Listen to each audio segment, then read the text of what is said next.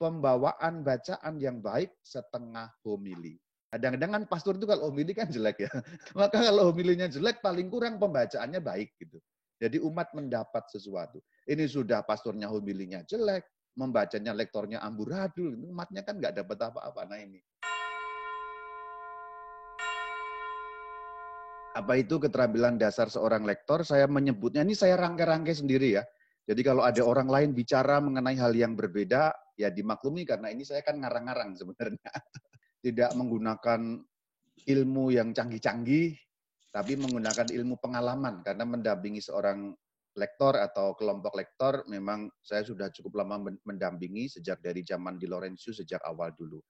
Saya menyebutnya lima ilmu tiga jadi ada lima hal, rujukan, bacaan, bagian, hitungan, dan la. Semuanya menggunakan pola tiga. Jadi saya menyebutnya ilmu tiga. Pertama ilmu tiga rujukan. Maksudnya rujukan iman katolik. Kalau kita ngomong iman katolik selalu rujukannya itu tiga. Tradisi suci, Alkitab suci, magisterium. Nah begitu. Nah kalau teman-teman lektor sering melihat fotokopian yang isinya saran bacaan, ya saya selalu mengutip dari situ.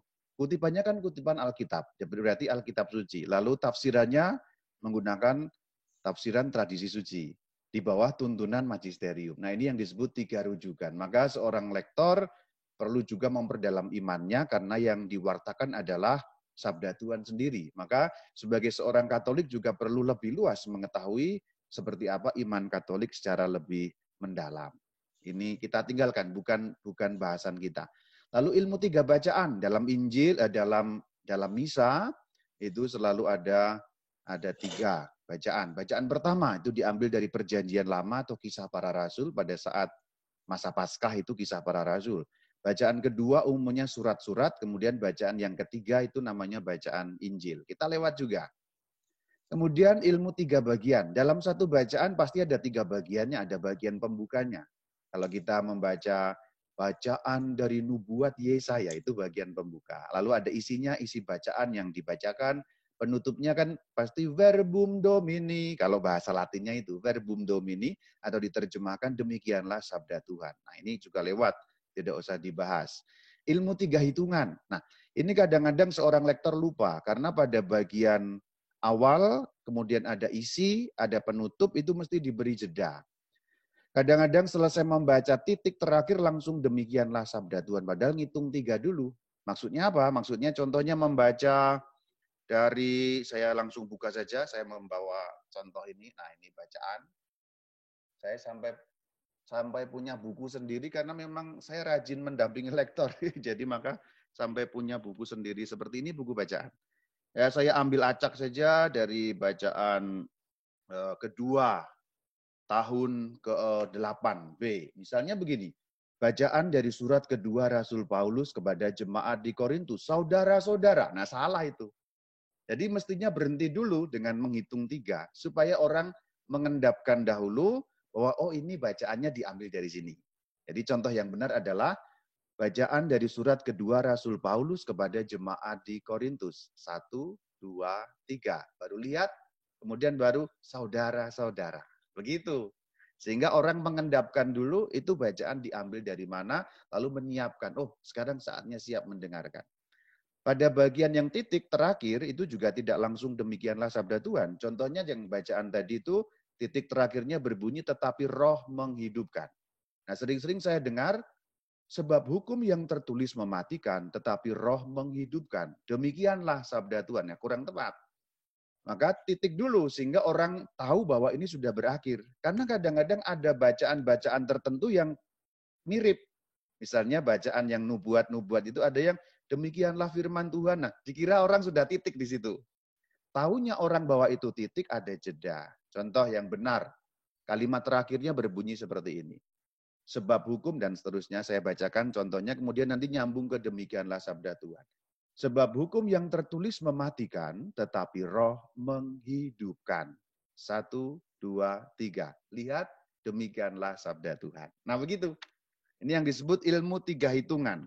Sehingga pada saat pembuka dan penutup itu diberi jeda, kira-kira tiga hitungan, bukan tiga detik ya, kalau tiga detik kelamaan, tiga hitungan, Sehingga orang tahu manakah pembukanya, manakah isinya, dan manakah penutupnya.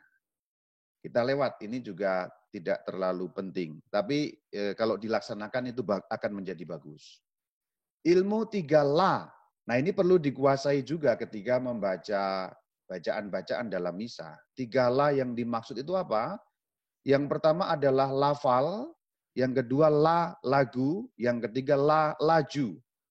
Ini istilah saya bikin-bikin supaya bunyinya la semua. Ya, lafal itu sebenarnya adalah eh, bahasa Inggrisnya pronunciation ya, cara mengucapkan sesuatu, ya, lafal, melafalkan atau artikulasi. Nah, itu bisa.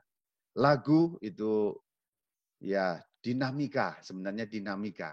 Itu lagu, naik turunnya. Laju itu kan kecepatan, itu sebenarnya irama atau tempo. Jadi bahasanya saya bikin-bikin supaya tiganya berbunyi la semua.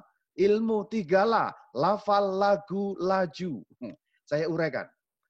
Lafal itu terkait dengan cara mengucapkan kata demi kata. Jadi satu kata itu terbedakan dengan kata yang lain. Jadilah Tuhan selama ia berkenan ditemui berseluruhan. Ini kan tidak, lafalnya kan buruk kalau seperti itu. Contoh yang barusan saya bacakan ya. Saudara-saudara dengan nyata Kristus dimuliakan dalam tubuhku baik oleh hidupku maupun oleh matiku. Ini kan nggak bagus. Kata yang satu tidak pilah dengan kata yang lain. Maka lafal yang pertama-tama terkait dengan kata demi kata. Satu kata diucapkan dengan jelas, tegas, bernas, ada isinya. Saudara-saudara, dengan nyata Kristus dimuliakan di dalam tubuhku. Nah itu kan jelas ya. Dengan nyata Kristus ya. Saudara-saudara, dengan nyata Kristus dimuliakan di dalam tubuh. Nah ini kan tidak jelas. Nah itu lafal sebenarnya. Kemudian lafal terkait juga pengelompokan kata. Tadi itu satu kata, satu kata, kata demi kata jelas.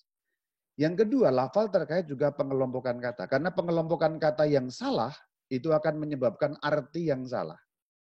Jadi itu yang namanya frasa, membentuk frasa. Frasa itu kumpulan-kumpulan kata.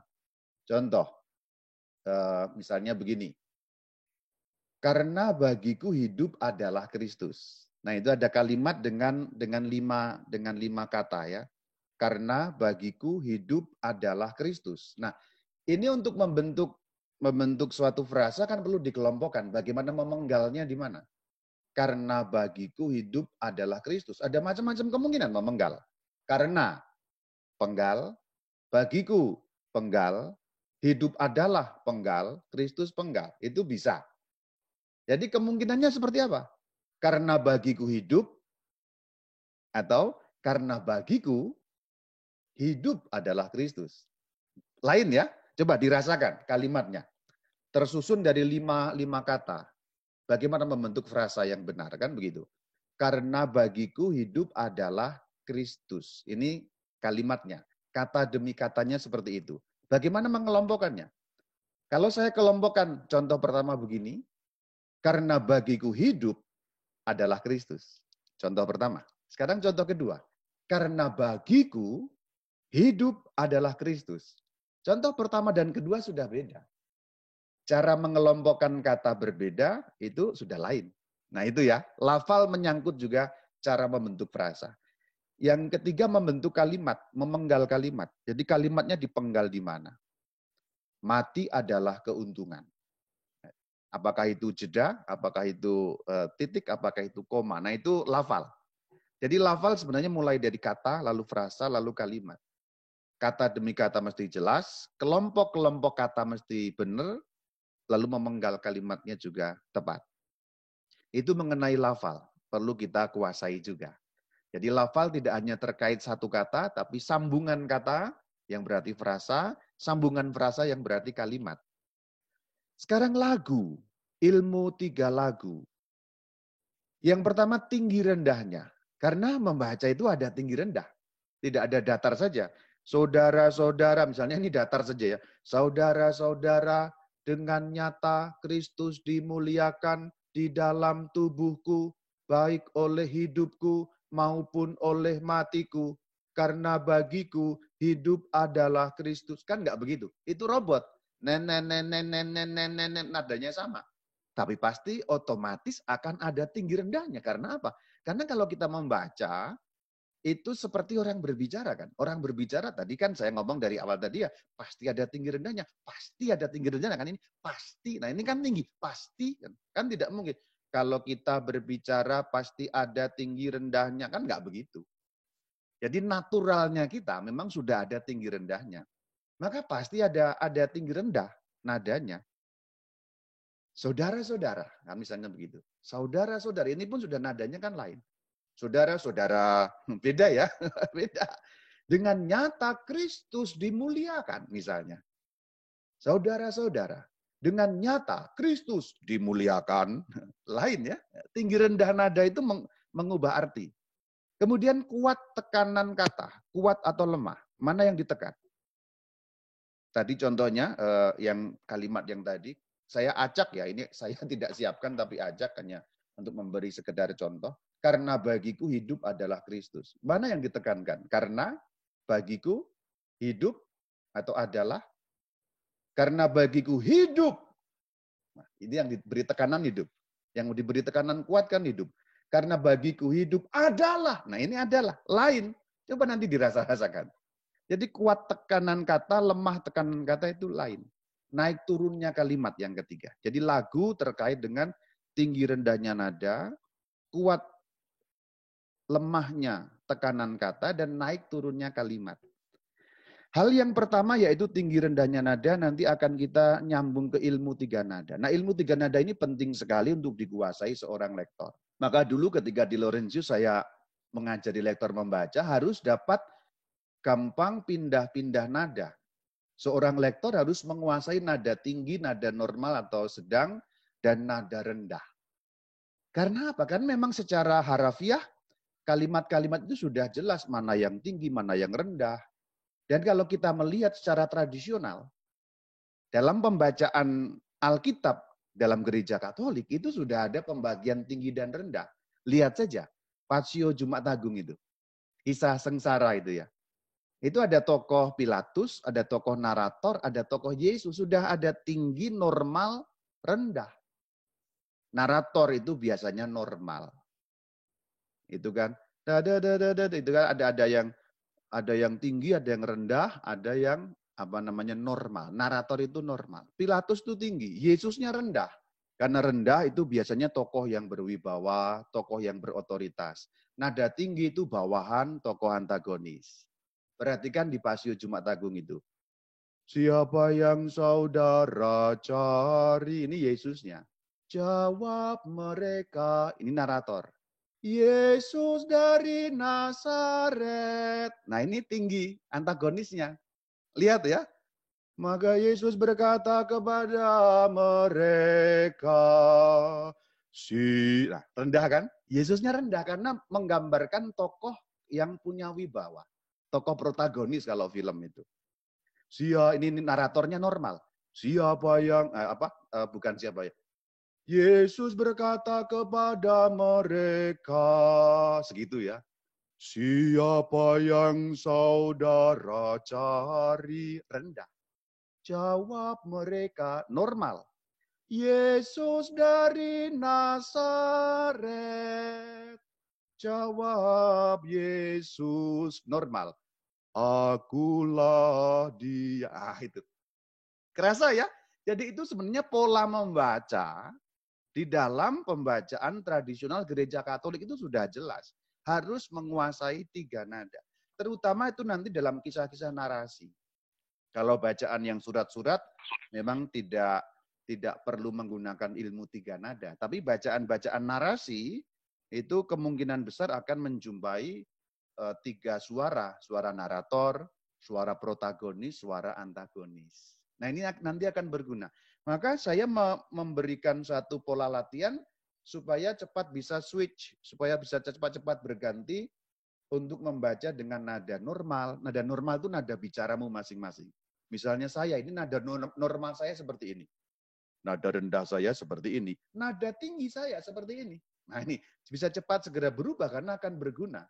Contoh ini saya asal membuka sekarang. Minggu biasa ke-14 dari kitab Zakaria. Bacaan dari nubuat Zakaria. Beginilah firman Tuhan. Nah, yang bicarakan Tuhan. Nah ketika yang bicara Tuhan itu gambarkan Itu bukan narator tentu saja. Itu antagonis atau protagonis, wibawa atau bawaan. Kan gitu. Nah, seperti itulah yang perlu diketahui ilmunya untuk membaca di dalam Injil. Dalam narasi-narasi yang kompleks itu akan sangat berguna misalnya pada malam Paskah. Malam Paskah itu kan kompleks sekali ini ceritanya. Misalnya dalam cerita keluaran. Nanti kadang-kadang Allahnya berbicara, kadang-kadang Musanya berbicara, lalu orang Israel berbicara, itu kan kompleks sekali. Ini saya buka sekarang. Misalnya dalam dalam malam Paskah ini ya, kitab Keluaran 14 kan ada macam-macam. Narator pasti kan berbicara dalam perjalanan keluar dari Mesir dan seterusnya, maka berfirmanlah Tuhan kepada Musa. Nah, siapa yang bicara? Nadanya harus seperti apa? Nah, kan begitu. Kemudian nanti ada ada yang lain di sini sehingga orang Mesir berkata, ya tadi bagian pertama Berfirmanlah Tuhan. Siapa yang ngomong ini? Oh Tuhan. Kepada siapa? Kepada Musa. Berarti siapa ngomong kepada siapa? Oh ini atasan kepada bawahan. Nadanya harus yang mana? Nah kan begitu. Kemudian yang lain, sehingga orang Mesir, oh ini orang Mesir yang yang berkata-kata. Harus seperti apa? Protagonis, antagonis. Yang mana? Kan begitu. Nah itulah gunanya ilmu tiga nada. Membaca kitab-kitab yang berwujud narasi kalau tanpa ilmu tiga nada nanti akan pembacaannya akan tidak mudah ditangkap. Semakin kita membaca dengan baik, membawakan bacaan dengan baik, itu semakin mudah ditangkap. Dan ingatlah bahwa membawakan bacaan dengan baik itu sudah setengah homili. Jadi membawakan bacaan dengan baik itu sudah setengah homili. Bahasa gampangnya, kalau setelah bacaan pastor tidak homili, Anda sebagai lektor dengan membaca baik, umat sudah mendapat sesuatu karena paham dari apa yang dibaca. Maka saya sering mengatakan pembawaan bacaan yang baik setengah homili. Kadang-kadang kan pastor itu kalau homili kan jelek ya. Maka kalau homilinya jelek paling kurang pembacaannya baik gitu. Jadi umat mendapat sesuatu. Ini sudah pastornya homilinya jelek, membacanya lektornya amburadul, umatnya kan nggak dapat apa-apa. Nah ini. Maka lektor juga bertanggung jawab membawakan firman Tuhan untuk sampai. Karena kan kita yakin bahwa firman Tuhan itu penuh kuasa. Kalau ya kalau ya ada syaratnya ya, kalau dibawakan dengan sepantasnya, bukan asal-asalan. Kembali ke soal ilmu tiga nada, itu lihat polanya seperti itu dan nanti akan berguna sekali di dalam pembacaan dan perlu dilatih memang. Latihannya adalah membaca dulu normal, membaca nada rendah, membaca nada tinggi, normal lagi, nada tinggi, nada rendah, berulang, berulang, berulang, lalu kadang-kadang berubah. Kalimat pertama nada normal, pindah ke tinggi, pindah ke rendah, dan seterusnya, dan seterusnya. Nah, seperti itu. Artinya, itu memang perlu dilatih. Untuk dapat berbicara, untuk normal, untuk tinggi, untuk rendah, berganti-ganti nada itu tidak selalu gampang. Saya agak gampang, saya dalang. Kalau dalang itu bisa bicara berbagai suara. Jadi saya cukup fleksibel. Tapi itu juga bukan begitu saja datang, itu pakai latihan tentu saja.